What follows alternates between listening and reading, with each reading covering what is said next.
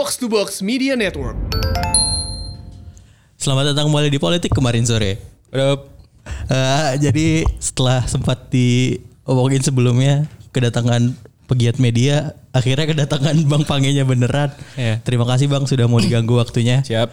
Eh, kita mau ngomongin tentang eh, what should the media learn about coronavirus. Ini sebelumnya udah ada di podcast luar yang sering didengerin Ave bang. Kita pengen coba replikasi aja.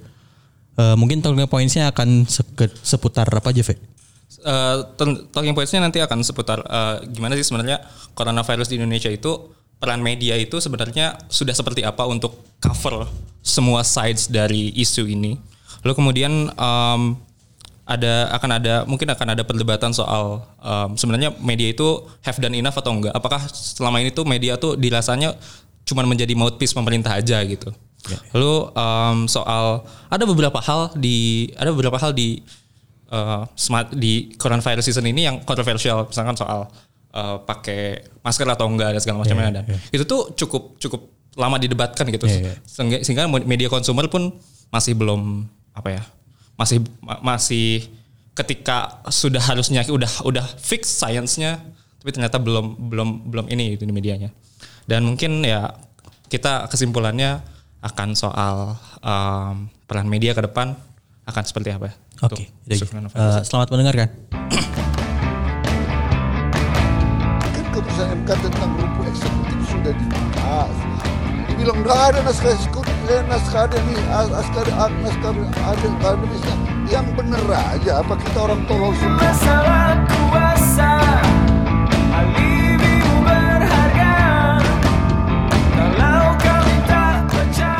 Oke, eh, halo Bang Pange. Halo, halo. Ya, eh, terima kasih sudah menyediakan waktunya. Jadi em, kita dari eh, politik kemarin sore ini sebenarnya nggak pengen banyak-banyak ngomongin soal coronavirus ya. Soalnya kita tidak punya expertise untuk ngomongin itu. Tapi em, dan kita memandang di memandang, memandang kita ini bukan med- mainstream media yang kemudian bisa jadi rujukan. Tapi dan kita juga nggak pengen ngingetin orang-orang soal coronavirus gitu. Sebenarnya kalau Bang Pangeng lihat, emang media mainstream di kita udah cukup bisa menjadi rujukan Bang selama fase ini. Eh sebenarnya gini, sebenarnya media mainstream punya kelebihan yaitu jangkauan reach yang tentu saja paling besar dibandingkan yang lain yaitu karena urusan eh, karena urusan resource mereka atau juga urusan posisi mereka sebagai legacy brand di mana kalau media itu kan sebenarnya yang paling penting bukan produknya tapi reputasinya kan itu dulu kan yang akan bikin orang worth it gitu.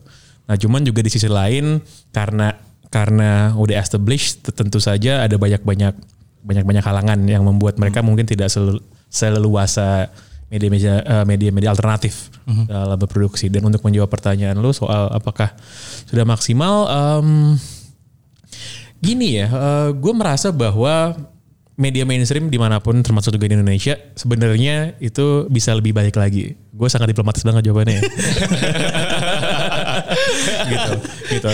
Dan gue juga mengerti sebenarnya berbagai macam keterbatasan yang di apa namanya yang dihadapi tapi kalau kita mau mengutip eh, data atau statement pasti kan media mainstream akan mengacu kepada pihak yang secara ofisial memiliki otoritas untuk ngeluarin data gitu Betul. dan itu adalah pasti dari government kan Ya. dari pemerintah gitu. Nah, kalau memang uh, data yang tersedia demikian kan sekarang yang selalu men- menjadi perdebatan uh, oleh netizen lah, itu terutama ya dari mulai awal bulan-bulan Februari sampai uh, Maret juga hingga sekarang adalah sebenarnya berapa banyak sih gitu, berapa banyak sih orang yang kena gitu kan, berapa banyak yang memang bener-bener angka yang harus kita Itu uh, fundamental ya, padahal ya. fundamental kan. Nah, eh, ini kan ini ya kayak lo bilang ini karena ini fundamental dia kan menentukan langkah berikutnya kan mau ngapain dan kita kan gimana gitu. Nah, gue merasa bahwa media mainstream sih eh, sebenarnya harusnya bisa lebih bisa lebih baik lagi dalam memverifikasi atau menggali lah. Gue nggak bilang memverifikasi, menggali lebih dalam hal-hal yang mungkin gini, mungkin kebanyakan orang, kebanyakan orang tuh bener-bener mayoritas dari penduduk kita ya, itu mungkin hanya melihat apa yang disajikan oleh media mainstream and that's it.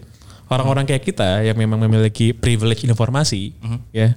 J- Jadi ada dua tuh privilege ya. Satu memiliki privilege untuk bisa akses informasi di internet secara bebas. Kita nggak punya beban bayar kuota misalnya ya. Iya. Karena itu udah hari-hari sehari-hari.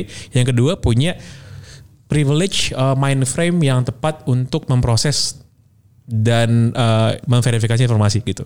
Jadi bukan sekedar bisa menerima apa yang disampaikan lalu kita proses, tapi juga mencari kita mau nerimanya dari mana gitu. Nah orang-orang kayak gini kan sebenarnya nggak banyak gitu. Dan mayoritas dari penduduk kita adalah orang-orang yang uh, mendapatkan informasi dari mainstream media and that's it gitu. Yeah. Makanya kalau kalau kalau teman-teman lihat gitu apa yang dilihat banyak orang yang terlihat cuek misalnya atau nggak usah pakai masker lah gitu kan atau ya bebas gitu berkumpul dan berkerumun ya itu sebenarnya hanya hanya sebuah apa ya hanya hanya sebuah ekses dari bagaimana mereka mengkonsumsi media mainstream ataupun juga sebenarnya alternatif media yang udah jadi mainstream gitu.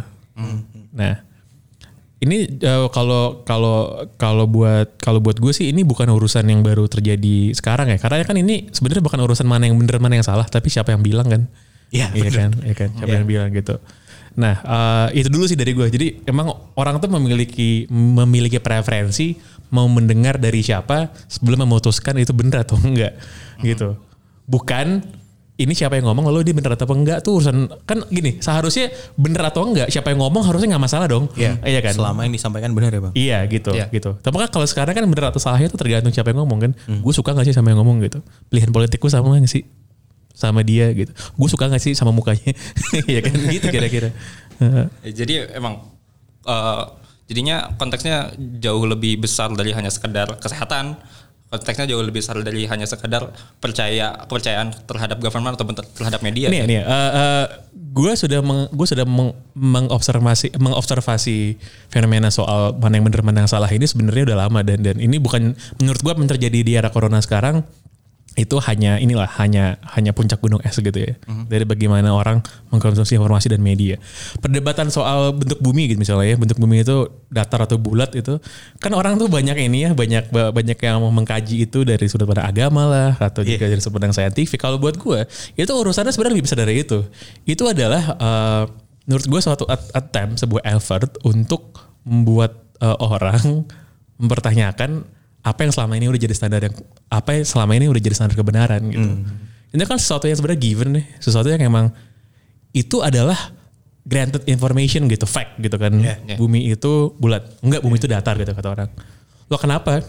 Mana buktinya enggak bumi itu bulat kok? Enggak, menurut gue datar. Bodoh amat dengan apa yang lo bilang, gitu kan. Tapi menurut lo itu kenapa bang? Karena gue pernah nonton di uh, Patriot Act, dia ngomong juga kalau parlemen Amerika sekarang cuma satu orang yang percaya teori evolusi gitu.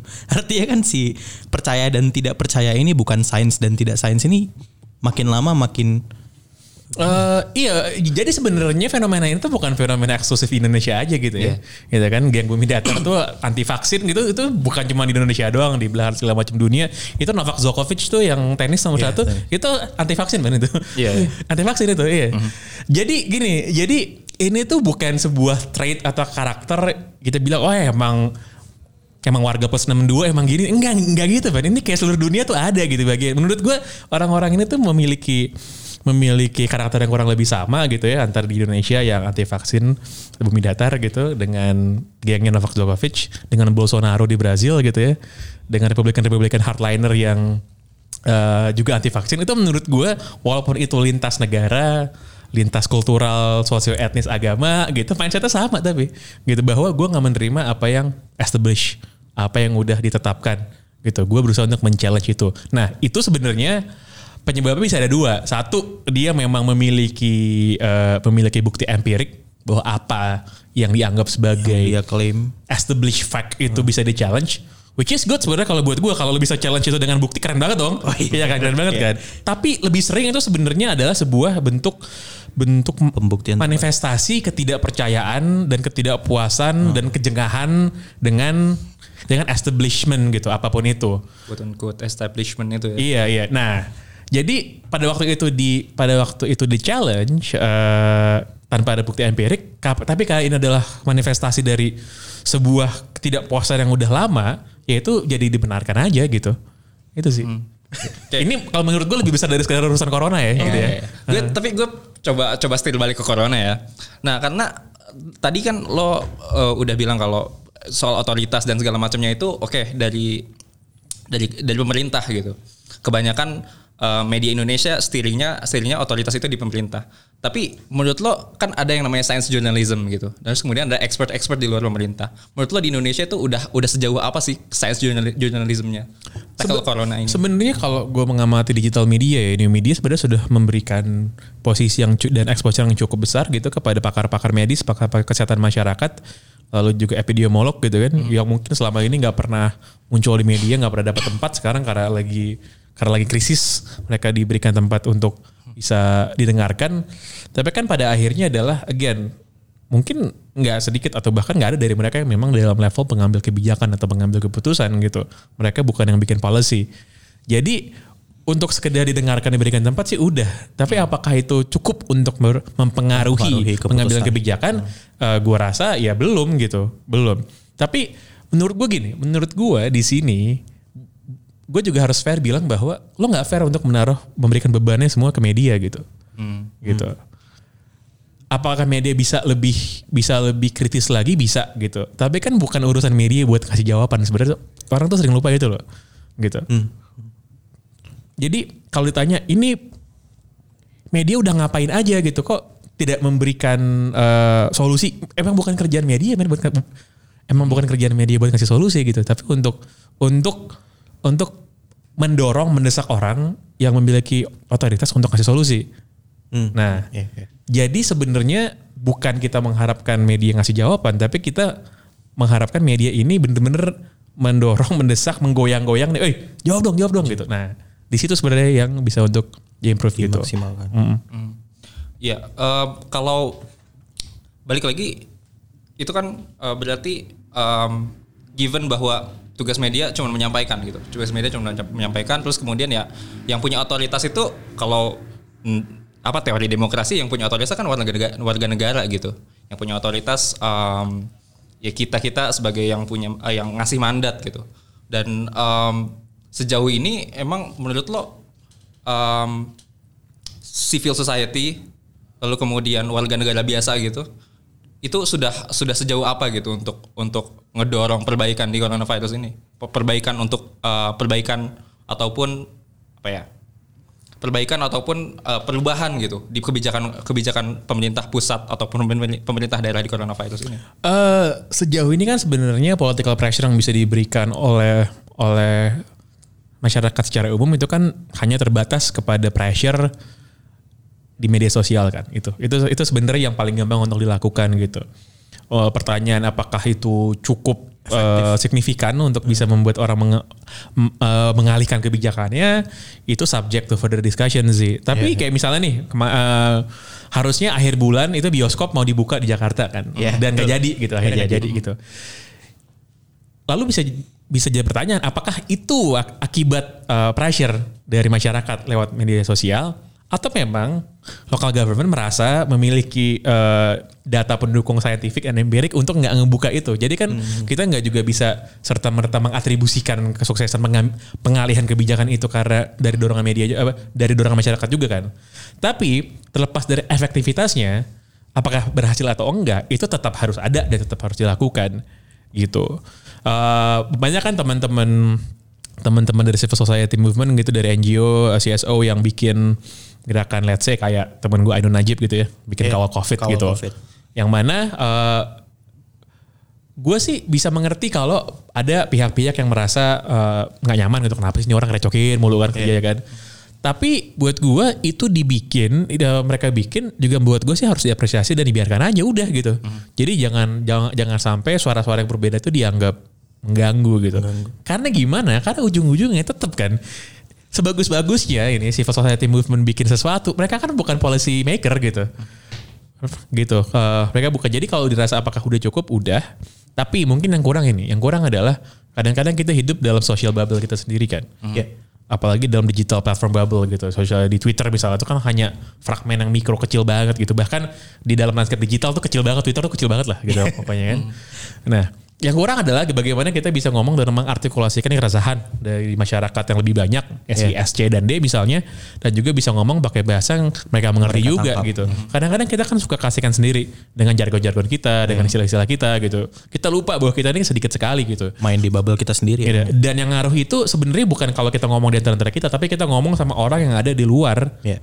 Dari teritori kita itu sih sebenarnya. Dan itu menurut gue masih jauh banget dari sukses kalau kita mau ngomong sama orang-orang di luar ya. Bang mungkin mau highlight sedikit eh, terakhir nih bang. Kan eh, maksudnya ini tidak sama kondisinya daerah antar daerah kan bang. Tapi jurnalisme lokal kita juga seperti itu. Sebenarnya apa yang bisa diharapkan treatment yang berbeda dari jurnalisme lokal supaya nggak benar-benar satu corong ke sangat Jakarta sentris aja gitu bang. Dan ada hubungannya sama yang apa bubble tadi ya. Iya. Gue tuh sebenarnya melihatnya walaupun belum menjadi sesuatu tren yang banyak, tapi sebenarnya banyak media-media lokal dengan demografi target yang memang segmented kayak di, gue gak tahu kalau di Jawa Barat ya, kalau kayak di, di Jogja ada, di Bali ada gitu. Kayak info Depok gitu. Eh iya misalnya cuman kayak gitu juga menurut gue itu masih belum jurnalistik banget lah isi isinya. Tapi kalau di Bali tuh Media partner itu. kayak Bale Bengong tau gak? Lo tau, gak? Kalau di Bali tahu itu. ada, itu media warga lah yang udah lama. Pada akhirnya dia, karena agak udah lama ya. Jadi kan media itu yang dilihat adalah reputasinya. Reputasi. Ini bisa gue percaya gak sih ini media gitu ya. Ini udah lama dari tahun, dari pertengahan 2000-an lah sekarang gitu. Ini jadi salah satu eh, sumber informasi alternatif kalau di Bali misalnya gitu. Nah, sebenarnya udah ada nih sebenarnya be- beberapa yang membuat embrionya. Pertanyaan adalah bisa nggak kita di tiap daerah punya satu alternatif media yang bisa dipercaya jadi sumber referensi atau rujukan Iya. data dan informasi gitu. Kayak kemarin misalnya pada waktu inget nggak ini ini hubungan sama corona dikit sih yang soal eh, di Bali tuh di Ubud ada yang bikin yoga masal Oh, iya, ya, tahu-tahu, iya. yang sampai orang yang bikinnya di deportasi kan. Deportasi. Ya. Itu kan awalnya eh, apa awalnya postingan Facebook udah gitu di Diramein. diramein di Twitter kan. Iya. Nama seleb tweet gitu. Nah, cuman itu dapat satu legitimasi lagi ketika itu diangkat oleh si Bala Bengong ini kalau buat gue. Gitu. Kenapa? Karena ada media, bukan mainstream media, Iya. tapi legit dan di, dan di, dan memiliki trust dari audiensnya dan begitu dia ngangkat ini, udah ini barang valid nih gitu. Nah, yang kayak gini-gini nih perlu ada. Nggak perlu jadi bagian dari network raksasa media di Jakarta kan banyak ya. Kayak media raksasa di Jakarta gitu, grup Bikin media, anak and then gitu. punya anak-anak itu nggak perlu kayak gitu juga gitu. Nah, tapi sebenarnya bisa. Berarti nggak selamanya media ngambil berita dari sosmed itu buruk ya bang ya? Eh, sebe- gini, gini. Sebenarnya harus dilihat dulu berita diambil dari sosmed. Ketika berita tersebut atau isu tersebut adalah potret dari sebuah fenomena sosial yang benar-benar terjadi, itu nggak buruk sama sekali. Itu malah harusnya sosial media itu gitu. Tapi ketika sebuah let's say pertikaian sosial media dijadiin berita, ya itu Yeah. fucked up gitu. gitu. Jadi kalau misalnya lo ngambil berita nih, gue dapat info dari Twitter misalnya ada sebuah kejadian, let's say, uh, let's say pembalakan hutan lah misalnya gitu ya, yang nggak ada di media mana uh, mana pun, Yeah. tiba-tiba nongolnya dari sosial media. Kalau kita menjadikan itu sebagai sumber informasi pertama, lalu kita gali, bagus banget dong. Emang Iya, harusnya media sosial tuh gitu, karena membuat semua orang memiliki hak untuk mengalirkan informasi, gitu. Nah cuman kan yang nyebelin adalah ada orang berantem Iya. di Instagram dijadiin berita gitu kan. Atau kayak kemarin tuh ada apa sih gamer ya selingkuh ya Iya, gamer selingkuh. iya kan gitu nah itu kan memang sebuah fenomena di sosial media gitu Iya. kan yang mana sebenarnya eh, apa value-nya buat audiens buat tahu gitu nggak ada kan nah buat gitu Gen, gue tidak bilang itu salah gitu. Kalau ada orang yang bikin gitu, ada audiens yang suka, bagus. Karena buat gue, kita selera tuh nggak boleh dipertanyakan gitu. Ya, kalau dipertanyakan, selera tuh nggak boleh dipertanyakan. Alay itu alay itu harus dirangkul. kan? Harus dirangkul. Itu tuh subjektivitas menurut gue tuh sangat-sangat berperan. Tapi bukan berarti bahwa uh, kita nggak bisa ngarahin mereka. gitu. Bisa ngarahin mereka tuh bisa. Kita harus ngomong pakai bahasa mereka aja. Gitu. Iya, iya. Lu ngerasa bisa mengarahkan orang-orang yang Itu proses belajar sebenarnya. Yang gue sedang dalam proses gitu. Bahwa the only way uh, for any media uh, player untuk bisa winning di uh, the whole game adalah itu gitu. Adalah lo harus bisa mengartikulasikan keresahan masyarakat gitu lah. Nah, kenapa? Nih kita ngomongin lebih luas dari urusan corona ya. Gue gue itu kan sangat-sangat menggemari ini ya. Gue sangat menggemari mem- mengkaji soal populisme gitu. Ya. Dan menurut gue baik di kiri atau di kanan, apa sih yang dilakukan oleh kaum populis dengan benar seluruh dunia adalah mereka bisa mengartikulasikan keresahan orang banyak ini gitu. Nah, menurut gua selama ini kan yang sukses mengartikulasikan keresahan orang banyak ini kan yang ada ada di kanan gitu, yang ada di Iya. tengah sama di kiri itu mana gitu posisi yang ada. Padahal sebenarnya sama, sama. Secara bahasa kan mirip-mirip sebenarnya gitu. Nah, ini sih yang menurut gua harus ada orang yang belajar ini sih dan mempraktekannya di dalam di dalam instrumen medianya gitu. Oke. Ya. Sip. Makasih Bang Wange Thank you banget Bang Wange. Oke, jadi ini eh, apa dibilangnya? Format yang mau kita coba tawarkan karena tidak mungkin menghabiskan waktu Bapak Pangeran Siaan lebih Iya. jauh. Iya. Kita Post bakal ini post interview ini. Iya, ini Post post interview. interview. Ini kayak kalau match sudah beres, ada komentar-komentar kurang Iya, penting. iya, nah ada. ini, Iya, iya. yang komentar kurang penting tapi tetap butuh jam tayang ini ini. Iya. Jadi ini kita sok pandit ya. ini. Iya. Eh, apa apa yang menarik dari semuanya menarik sih, tapi apa yang menurut lo belum sempat diomongin Bang Pange tadi, Ve? Sebenarnya menurut gue itu poinnya udah masuk semua ya. Cuman apa ya? Menurut gue perlu dilihat lebih jauh adalah tadi Bang Pange itu bilang soal um, bagaimana sebenarnya mainstream media itu masih sangat berpengaruh terhadap coverage coronavirus. Tapi um, media Indonesia dibandingkan media asing lainnya gitu ya, Iya. itu masih sangat-sangat lemah coveragenya di coveragenya Di luar di Indonesia. luar Indonesia gitu. Karena um, untuk coverage yang langsung ke Wuhan, langsung ke Cina-nya, terus kemudian untuk ngasih pressure ke pemerintah Cina atau pemerintah um, atau pemerintah luar Indonesia gitu ya, media kita tuh masih sangat-sangat rendah gitulah daya tawarnya gitu. Nggak seperti media Australia yang kemudian media Australia itu kayak ngasih tahu kalau eh, Indonesia tuh akan sangat-sangat rawan, respon pemerintahnya jelek dan segala macamnya. Itu kan jadi agitasi banget gitu. Jadi agitasi banget untuk ke media Indonesia apa untuk ke Indonesianya, ke um, civil society kita juga gitu kan. Iya. Itu jadi ya ba- balik lagi ke emang kata Pange apakah media sudah sudah cukup mungkin bisa lebih baik lagi gitu tapi menurut gue gapnya jauh lebih besar dari itu gitu kalau kemudian standarnya adalah standar media asing gitu Karena di awal-awal ya kan gue cuma dangkep dari baca yang ada di Catch Me Up gitu-gitu ya, Ve. Iya, iya. Si Wuhan di Januari ini. Respon kita itu seakan-akan si ini bukan virus tapi kayak bahteranuh gitu yang terjadi bencananya lokal gitu. Iya, benar. Nggak bisa di copy dipindahin ke kita gitu. Mhm. Nah itu kan yang sebenarnya membuat si masyarakatnya lambat panas juga. Udah Iya, masuk betul. dulu baru uh lambat panas banget cuy. Iya. Maret Maret baru Maret tuh baru 4 gitu. Iya kan? Dua pertama dua, dua pertama itu. Padahal dari Januari itu Iya. ininya. Dan balik lagi em, selalu government sentris gitu pemerintah Iya, sentris. nanya Terawan nanya Terawan Terawan bilang enggak ya udah gitu yang Iya, diinin enggak gitu Eh, gak ada coverage yang agak-agak saintifik gitu Iya, iya. ke soal probabilitas masuk Indonesia gimana gitu Iya. dari cor- the coronavirusnya itu dari kapan terus kemudian masuk Indonesia gimana dan segala macamnya sehingga em, justru awal-awal itu media itu sangat-sangat berpengaruh terhadap ketidaksiapan warga negara. Ya, benar. Iya. Em, gue gue inget rata-rata media itu em, termasuk yang itu ya yang di atas kita gitu. rata-rata media itu em, narasinya adalah narasi jangan panik. Iya, benar. Narasi jangan pakai masker. Pakai masker buat sakit yang sakit aja gitu. Pakai masker eh, nggak belum ada em, dorongan untuk bawa beli masker kain gitu kan. Itu narasi-narasinya itu masih sangat-sangat narasi yang nggak tahu apa-apa gitu loh. Padahal kita jelas tahu banyak. At that point tuh kita jelas tahu banyak gitu. sudah cukup tahu dan bisa dibagikan Iya menurut gitu. lo. Jadi menurut gue em, memang eh, media kalau tadi Pange bilang kan media itu em, bertugas menyampaikan aja gitu. Menurut gue memang harusnya jauh lebih jauh lebih dari itu sih bertugas menyampaikan kebenaran gitu kan. Iya. Iya Pange kan selalu ngomong gitu ya, media itu tidak netral, media berpihak. Ah, ah, ah. Berpihaknya pada kebenaran. gitu. Heeh. Nah menurut gue memang harus ada standar yang lebih tinggi yang yang kita tuntut dari media-media kita gitu. Karena eh, yang gue lihat dari yang yang tadi sempat disinggung juga sih soal media lokal, kayak nggak ada perbedaan treatment gitu. Media lokal tuh cuma jadi relay dari Iya, betul. media ini aja Betul, betul. gitu. Cuma beda wartawan, cuma beda eh, majalah, cuma beda koran, tapi pesan yang disampaikan sama. Informasinya sama. kasus terus eh, ya pesan-pesan narasi yang dibangun pemerintah tapi kan nggak ada yang nyampein misalnya eh, titik-titik vital yang ada di daerah itu yang masih buka gimana Terus eh, banyak masa pandemi ini yang kena mental healthnya, mental health centernya buka apa enggak? Iya.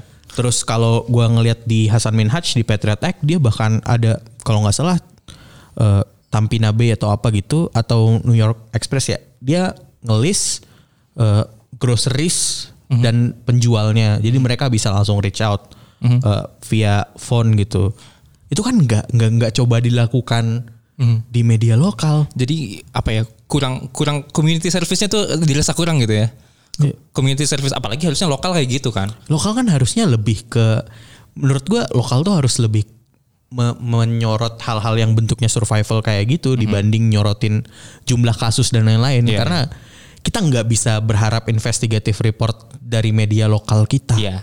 Iya, itu itu udah udah dibahas di di apa Iya. episode sebelumnya kan. episode sebelumnya kalau di luar memang investigative reportnya ada di media lokal tapi di kita kayaknya kita nggak bisa mengharapkan itu minimal ya jadi corong community service gitu menurut gua Iya, corong community service dan itu mudah sekali sebenarnya ya dilakukannya. Harusnya gampang banget kayak misalnya em, walaupun mungkin masih tergantung sama otoritas lokal masing-masing ya gitu. Misalkan eh, Cimahi misalkan udah ada udah oh, misalkan Jakarta udah ada peta ininya, udah ada peta zona merah, zona hijau dan segala macamnya gitu.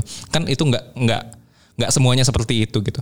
Tapi em, ke- apa service semacam yang lo bilang tadi semacam eh, ini yang buka mana aja terus kemudian ada ada ads atau ada ada iklan layanan masyarakat yang yang bukan iklan gitu loh yang cuman pure layanan masyarakat aja gitu. Karena kan kalau kayak misalnya diimplementasikan ke Bandung, warga Bandung percaya semuanya sama PRFM, ya nggak sih?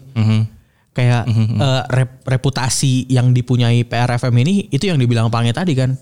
Maksudnya reputasi ini yang harusnya dimanfaatkan buat menggaungkan pesan-pesan kedaerahan dan perbedaannya dengan daerah lainnya gitu. Yang mungkin balik lagi mungkin udah dilakuin gitu.